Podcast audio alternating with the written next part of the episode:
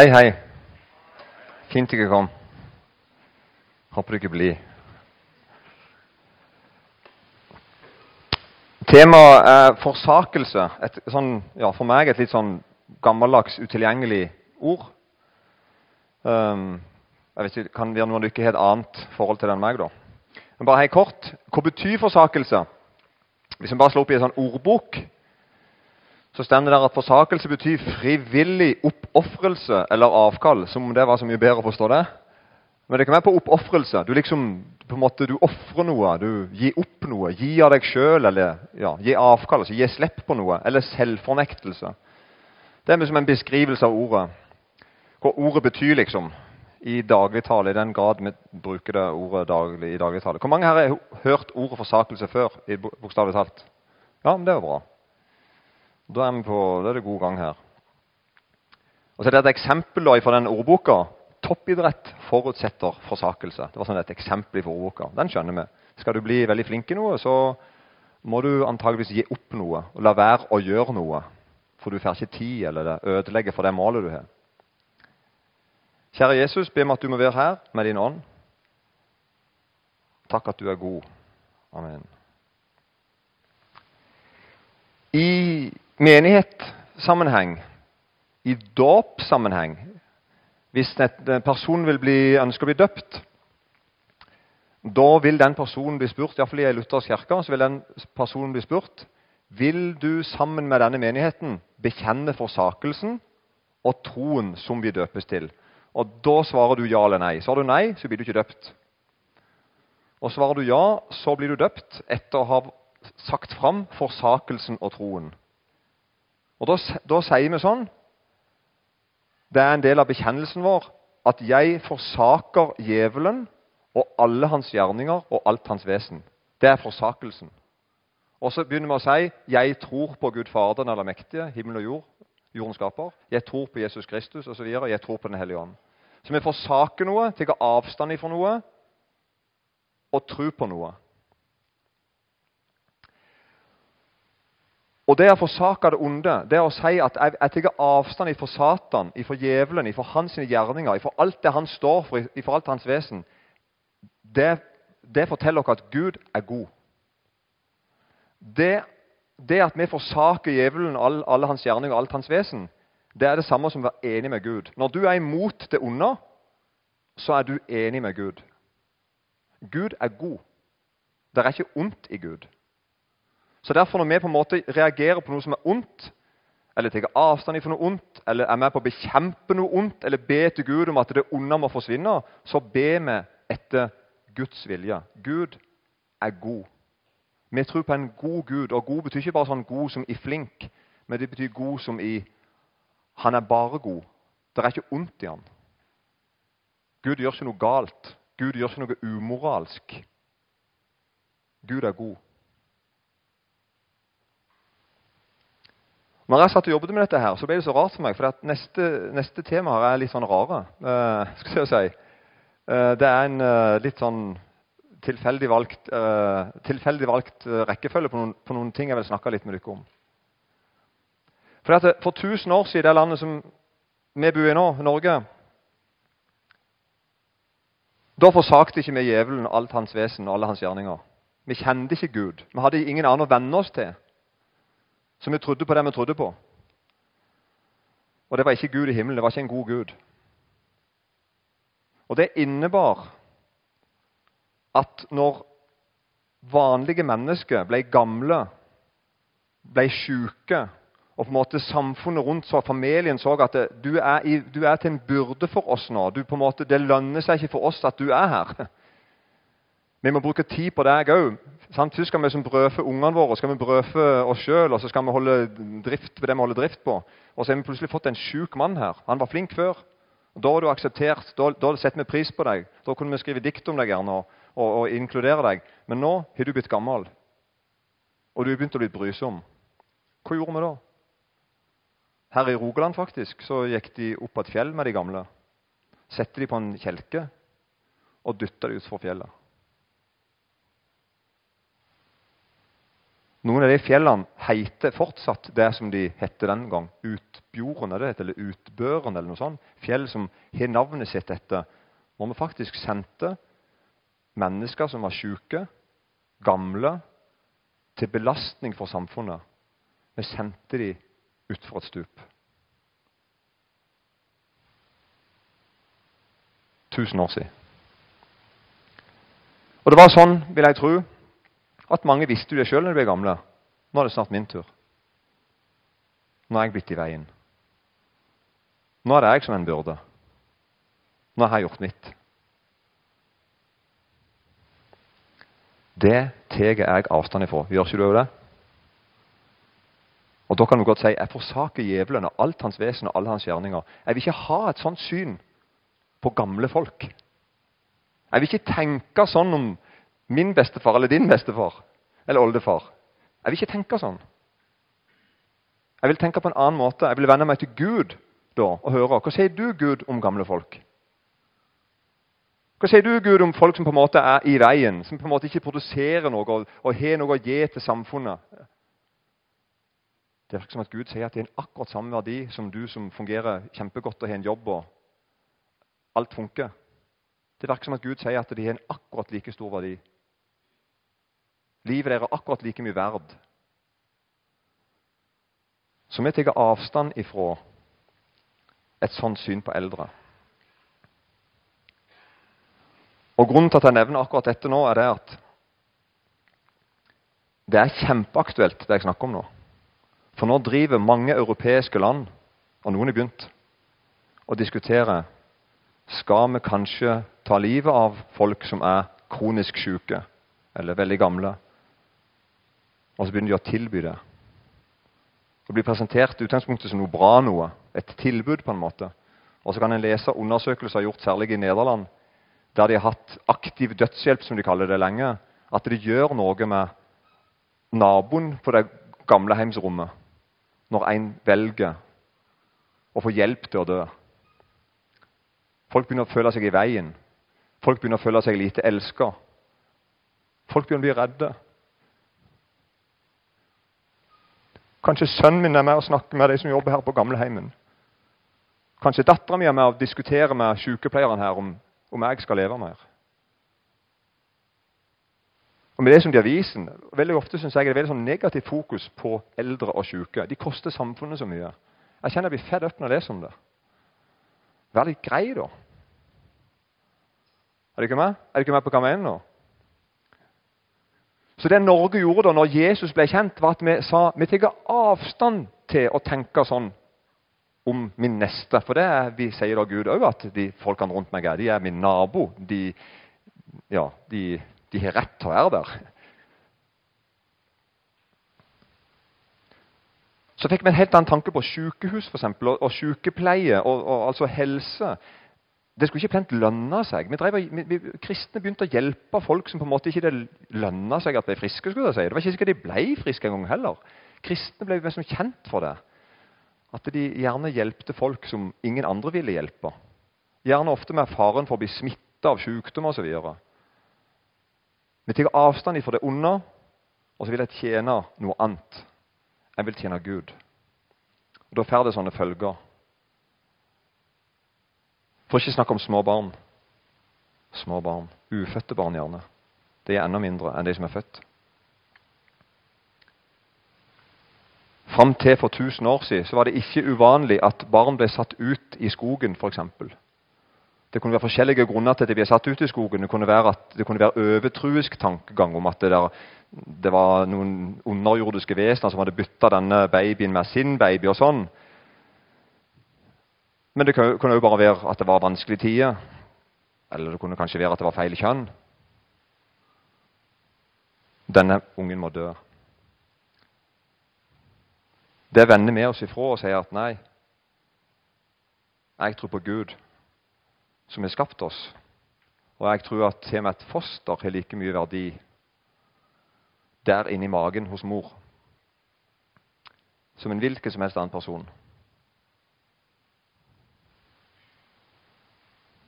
Vi vender oss ifra det. Gjør vi ikke det? Vi forsaker, vi sier jeg forsaker sånne tankeganger. Jeg, tar avstand ifra det. Og så fattige og utstøtte. Det kan være litt vanskelig å snakke om, for det, det, det, er sikkert ikke lett å være politiker for eksempel, eller ha ansvaret for en by. eller sånn, Men vi har veldig mye debatt i Norge nå om tiggere og fattigfolk generelt som skjemmer ut gatene våre, der vi vil gå og ha det fint.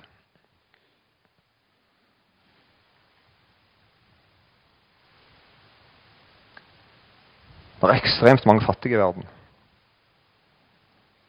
Det er ekstremt mange utstøtte. Det kan til og med være at det er noen her som er utstøtt, eller opplever seg utstøtt. Gud elsker deg. Gud kjenner deg. Gud har skapt deg.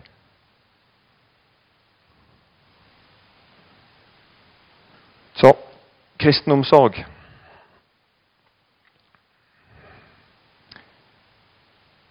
Ja. Omsorg er mye mer enn ord. Er handlinger. Det er det på en måte jeg har sagt nå. Det, det fører til noe. Når vi, vi forsaker djevelen og alt hans vesen, og tror på Gud og på Jesus og på Den hellige ånd, så får det utslag altså i handlinger. Det er ikke bare noe vi går og prater om og skriver dikt og sanger om som rimer på et eller annet. Men det, det, vi gjør noe.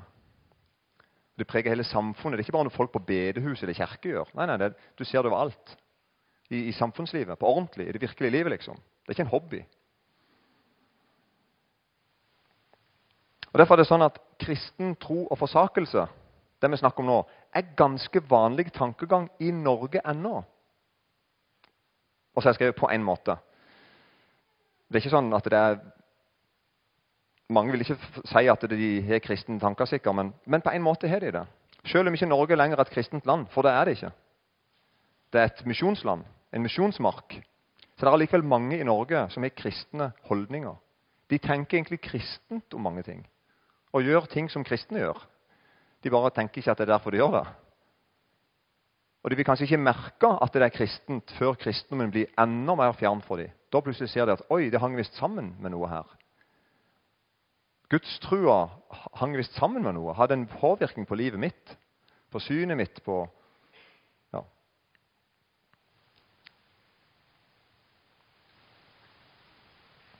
Henger du ikke med?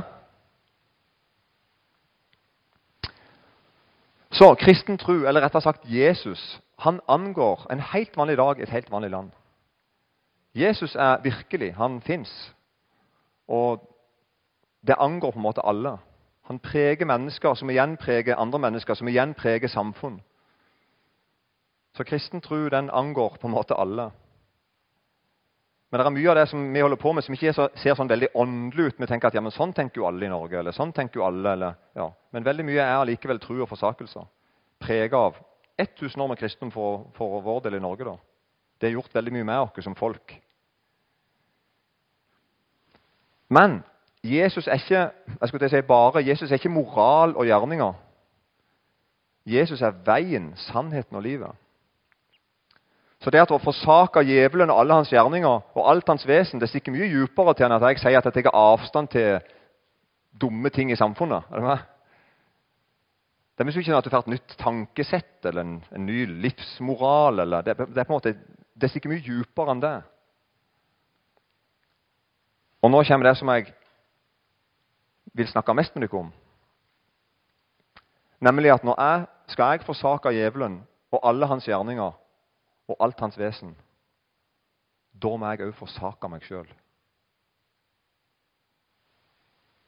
Jeg må si nei til ting som jeg ønsker, til ting som jeg vil, til ting som jeg begjærer og lengter etter. Ja, jeg må ofte si nei til meg sjøl.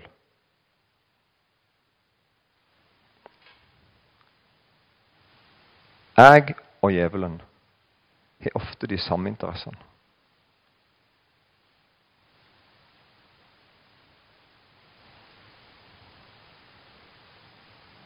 Og dette sier noe alvorlig om hvem jeg er. Ofte kan jeg få en fristelse som jeg egentlig skulle tatt avstand til. sagt, denne tar jeg avstand ifra. Jeg vender meg vekk ifra dette til Gud, og så kjenner jeg nei. Det var noe interessant med den fristelsen. Det var noe bra med det. Bare for å ta sånne rare eksempler. Altså, men En helt normal person, hva nå enn det måtte være Døm sjøl. Uh, han, kan sette han kan sette andre sine liv i fare egentlig bare for det gøy. F.eks. kjøre altfor fort midt i trafikken. Hjemme kaller vi for råning. kaller vi det, så synes det høres litt bra ut da. Men det, det, det egentlig går ut på, da, eh, med mindre det er på en parkeringsplass og du bare spinner rundt og rundt til dekkene eksploderer. for det, høres, det ser litt koselig ut, synes jeg. Men hvis du driver og kjører midt i trafikken, i 50-sonene, eh, der det er folk, og så vet du at nå får ikke jeg stoppe hvis det kommer noen folk ut i veien nå. Og det kan det godt være det gjør, for her er det hus, og her er det folk, og her er det kryss. og her, ikke sant? Her er det 50-soner. Jeg bare kjører likevel. Så på en måte, jeg setter altså ditt liv i fare fordi jeg syns det var gøy å kjøre fort, eller fordi jeg hadde dårlig tid. Det er jo ikke bra. Jeg sitter jo ikke og tenker sånn når jeg gjør det, antageligvis. Men det er jo det som egentlig skjer. Jeg setter meg foran deg. Jeg setter meg foran alle de andre, kanskje. Eller jeg får lyst på andre sine penger eller ting. Jeg kan kjenne på at jeg ikke liker at du har et fint hus eller en ny iPhone eller en fin bukse. eller skjønner Du altså, Har du ikke kjent den følelsen der at du er liksom ikke sånn kjempeglad at noen fikk noe bra noe? Klarte ikke helt å glede meg over at andre hadde det bra, fikk noe fint. Jeg kan til og med kjenne noen ganger at jeg liker at ikke det går godt for deg. Det hadde du godt da. Sier du ikke det, da Da hadde du godt da.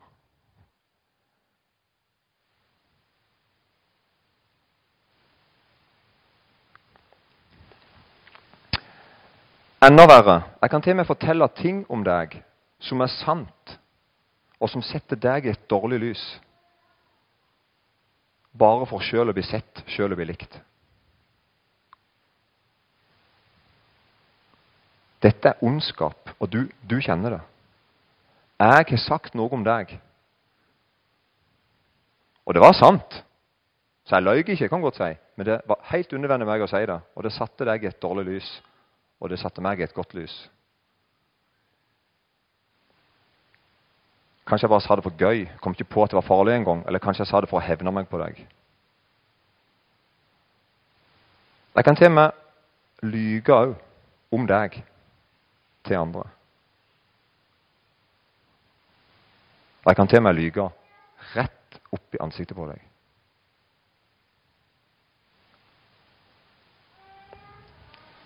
Eller en kan til og med få lyst på andre sine ektefeller. Og tenke at 'den vil jeg ha'. En kan være utro, bryte avtaler, såre, krenke. Jeg tenkte på meg sjøl.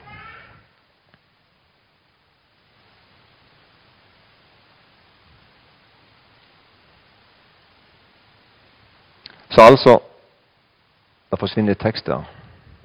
Å forsake djevelen handler om samfunnet, men mest om meg sjøl og mitt liv. Nederste der. Bibelen sorterer dette for oss. Vi lærer hva, som er ondt, og hva som er godt. Og vi blir tilbudt et nytt liv, et liv i forsakelse. Er du ikke med? I møte med Gud lærer vi det er noe som er ondt, det er noe som er godt. Mye av det merker vi sjøl òg, som er ganske fort enig i det.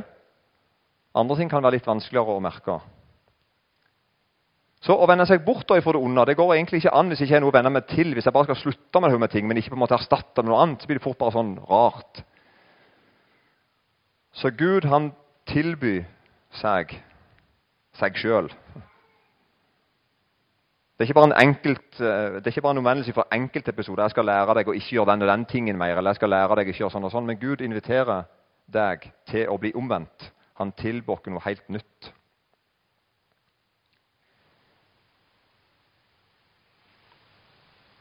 Og så er det da at vi skal Kanskje vi snart skal ta en pause.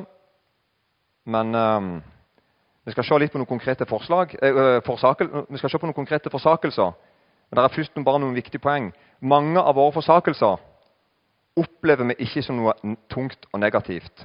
Og Det er det som er poenget mitt her i dag. Nå har jeg snakket om en del sånne alvorlige ting. Og så skal vi nå etterpå se litt på, håper jeg at vi ser litt på hva er alternativet. Hvorfor skal vi forsake djevelen alt hans vesen og alle hans gjerninger? Er det bare fordi at, fordi at da skal du ha det kjedelig? Eller fordi at, Skjønner du? Nei. Jesus forteller to kjempekorte fortellinger etter hverandre i Matteus 13, 44 og til 46. Der er det to korte fortellinger. Og Veldig rare fortellinger, syns jeg. Himmelens rike er likt en skatt som var skjult i en åker. En mann fant den og gjemte den igjen. I sin glede gikk han så bort og solgte alt han eide, og kjøpte åkeren. Det var første fortelling. Andre fortelling. Igjen er himmelens rike likt en kjøpmann som søkte etter vakre perler. Da han så fant en meget verdifull perle, gikk han bort og solgte alt han eide, og kjøpte den. Rare fortellinger på mange måter. Men, men det som jeg henger meg opp i, her, han mannen som altså, han fant en skatt, en skatt som var skjult i en åker. Han fikk så lyst på den skatten at han gikk og solgte alt han eide. Så han sto der altså uten noen ting.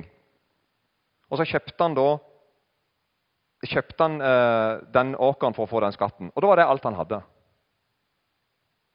Sikkert Hadde vi snakka med den mannen og spurt han, eh, altså jeg, jeg, tror jeg har spurt han hva du holder på med. Hvor skal du med en skatt i en åker? Men eh, kommer resten av livet? Så det er en veldig rar fortelling. Det er en fyr som liksom gir opp alt det vanlige for å finne noe, for han har funnet noe som er større. Og det er helt tydelig i denne fortellingen her at han mannen her var ikke sur for det. Han sa ikke at ja, uff meg, jeg måtte selge meg som TV-en og så eselet mitt eller vet ikke hva han hadde. Jeg skjønner du? jeg måtte selge alt jeg hadde. på en måte. Det var så mye gi opp, og det, det, er klart dette blir veldig vanskelig for meg. Fortellingen handler ikke om det. Fortellingen handler om at det, det var han villig til å ofre for dette. Det er poenget i fortellingen. ikke sant? Dette var en fyr som bare var en, han var bare en, det her var bare en mann som bare snubla over en skatt. Altså han bare sånn en helt vanlig mann. Men den fyren her han var jo til og med en kjøpmann. Dette var en som drev med sånne ting. Han hadde jo greia på ting. Han gikk og leita etter perler, og han fant henne. To liksom forskjellige måter. En bare nesten plumper over en skatt med åker. Og så blir han tatt av det han ser, selger alt han eier, for å få den skatten. Nestemann går litt mer og leter etter ei perle. Det er det han holder på med. Og så finner han ei perle som er så stor, eller så bra, eller verdifull, som det står her, at han selger alt han eier, og kjøper den. Jeg tippa vi snakka med han og spurte han, hvorfor gjorde du det. liksom? Jeg vil ha, jeg vil ha den perla. Ja, men du forsakte jo en haug med ting. Du sa nei, du ga avkall på en haug med ting. Eh, kanskje han sa 'Gjorde jeg det?' Eller, eller 'Ja, men det ville jeg.' Jeg vet ikke. Men det er det Jesus forteller her. To fortellinger. Det virker som at det er noen ting som jeg og deg kan se, og som gjør at du tenker 'Jeg vil forsake'. Jeg ønsker å på en måte gå glipp av det og det, for jeg har funnet noe som er større. Kjære Jesus, velsigne deg jeg sa. Amen.